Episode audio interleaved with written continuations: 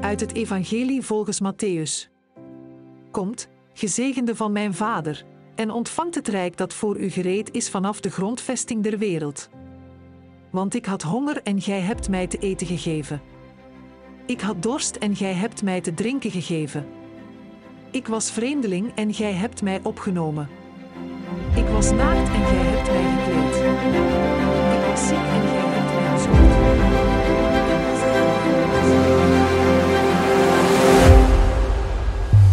Vrienden, volgende week begint de Advent, het nieuwe kerkelijk jaar. En vandaag sluiten we het oude jaar af, het feest van Christus Koning. En dat gaat altijd over het laatste oordeel. En daar heeft Jezus het vandaag inderdaad over in het Evangelie. We krijgen dan een paar examenvragen waar we antwoord op moeten geven. Nou is het altijd handig als je een examen moet doen en je van tevoren de vragen kent. Nou, die vragen krijgen we dus mee. De vragen die ons daar aan de hemelpoort eh, gesteld zullen worden. En het zijn ook eenvoudige vragen. Als het op aankomt trouwens, is het geloof niet iets ingewikkelds. Je kunt het ingewikkeld maken en theologiseren. Maar eh, eh, het is eigenlijk het is geen hogere wiskunde. Jezus zegt het eigenlijk heel op Witte Donderdag. Ik heb je een voorbeeld gegeven. Volg dat na. Nee, het geloof is geen hogere wiskunde wat dat betreft. Natuurlijk, er zijn een aantal dingen die ons verstand te boven gaan. Eén God en toch drie personen, hoe kan dat? En die wonder van Jezus, God, hoe gaat dat toch? En de schepping, iets maken uit niets, vooruit maar. Pijnig daar uw hersen niet over, u zult er niet uitkomen. Maar ons worden uiteindelijk geen theoretische vragen gesteld, maar praktijkvragen. Wat heb je voor anderen gedaan? Wat had je voor anderen kunnen doen, wat heb je niet gedaan? Dat is het. Niet meer, ook niet minder. Het evangelie van uh, vandaag sluit eigenlijk aan bij het evangelie van vorige week. Misschien herinnert u het zich nog, de parabel van de talenten. Iedereen heeft een talent, een capaciteit, een mogelijkheid om iets goed te doen om werken van barmachtigheid te verrichten, bijvoorbeeld. Want dat wordt kennelijk van ons gevraagd. Heb je de hongerige te eten gegeven? Heb je de dorstige gelaafd? Heb je de zieke bezocht? Enzovoort.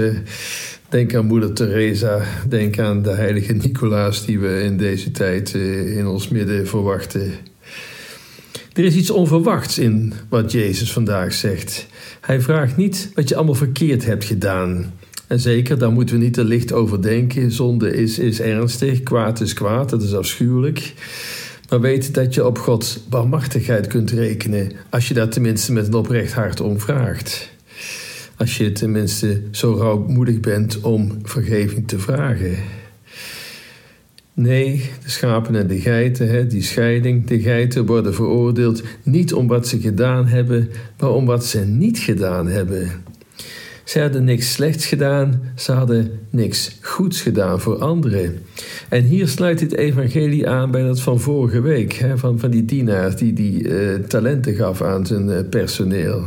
Twee hadden er iets mee gedaan, eentje niks. Hij gaf het netjes terug. Maar juist omdat hij er niks mee gedaan had, wordt hij veroordeeld.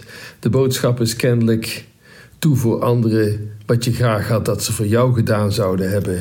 En dat is een stuk moeilijker dan Doe anderen niet aan wat je liever niet hebt dat ze jou aandoen. Eigenlijk gaat het over waar we nou een paar weken geleden over hadden, de twee belangrijkste geboden. Hou van God, hou van je naaste. Als je helemaal niks doet, dan zul je misschien ook niks verkeerds doen. Of toch wel?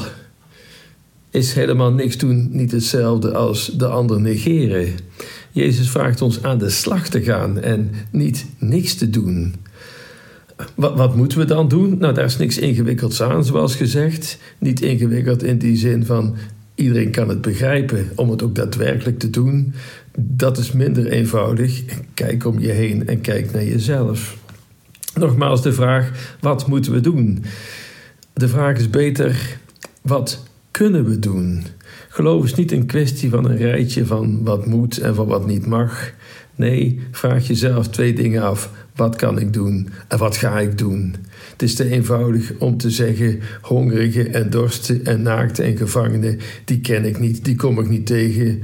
Dus van mij wordt niet zoveel gevraagd. Die hongerigen zitten ver weg en ik maak wel eens wat geld over. Wat meer kan ik doen? Nou, ik zal het u zeggen. Jezus zou zeggen: in je eigen buurt zijn er mensen die hongerig zijn. Nee, niet naar voedsel, want hun koelkasten liggen redelijk vol en de supermarkt is om de hoek. Maar in je eigen buurt zijn mensen die hongerig zijn naar dingen die je gemakkelijk had kunnen geven.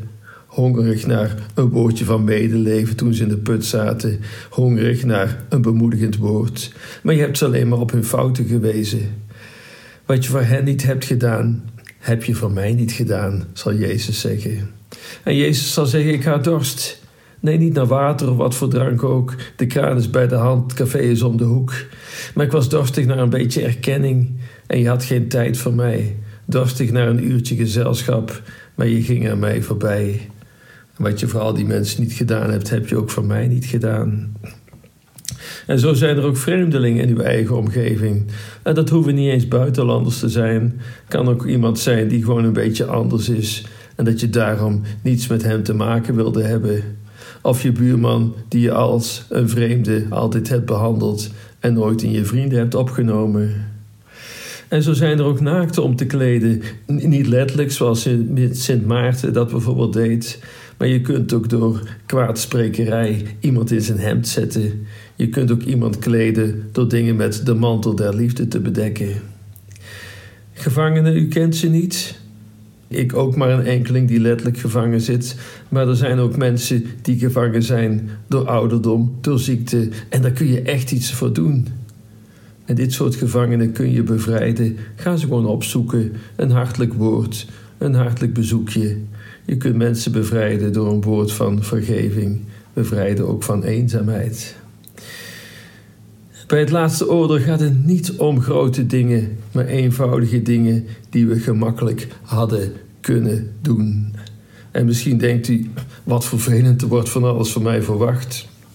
Toch vergist u zich dat dit vervelend zou zijn. En dan kom ik terug bij het evangelie dat we ook onlangs hoorden, de zaligsprekingen. Ja, wat maakt de mens gelukkig?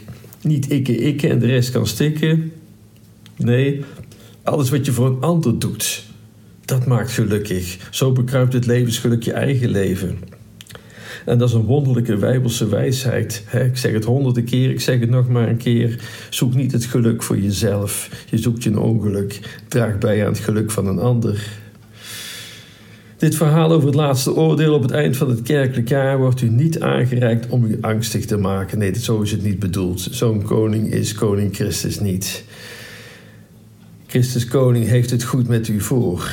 Hij weet wat een mens gelukkig kan maken en dat wil hij aanreiken. Het zal u en anderen tot zegen strekken. Hele koninkrijk is volstrekkelijkheid. Dicht dichtbij is niet vergezocht.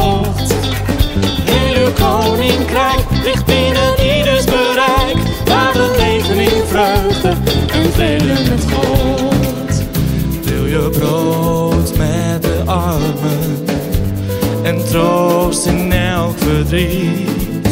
Help de hulpeloze ander die de wereld niet ziet.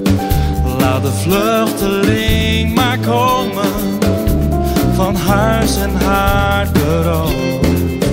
Geef je hoop aan deze wereld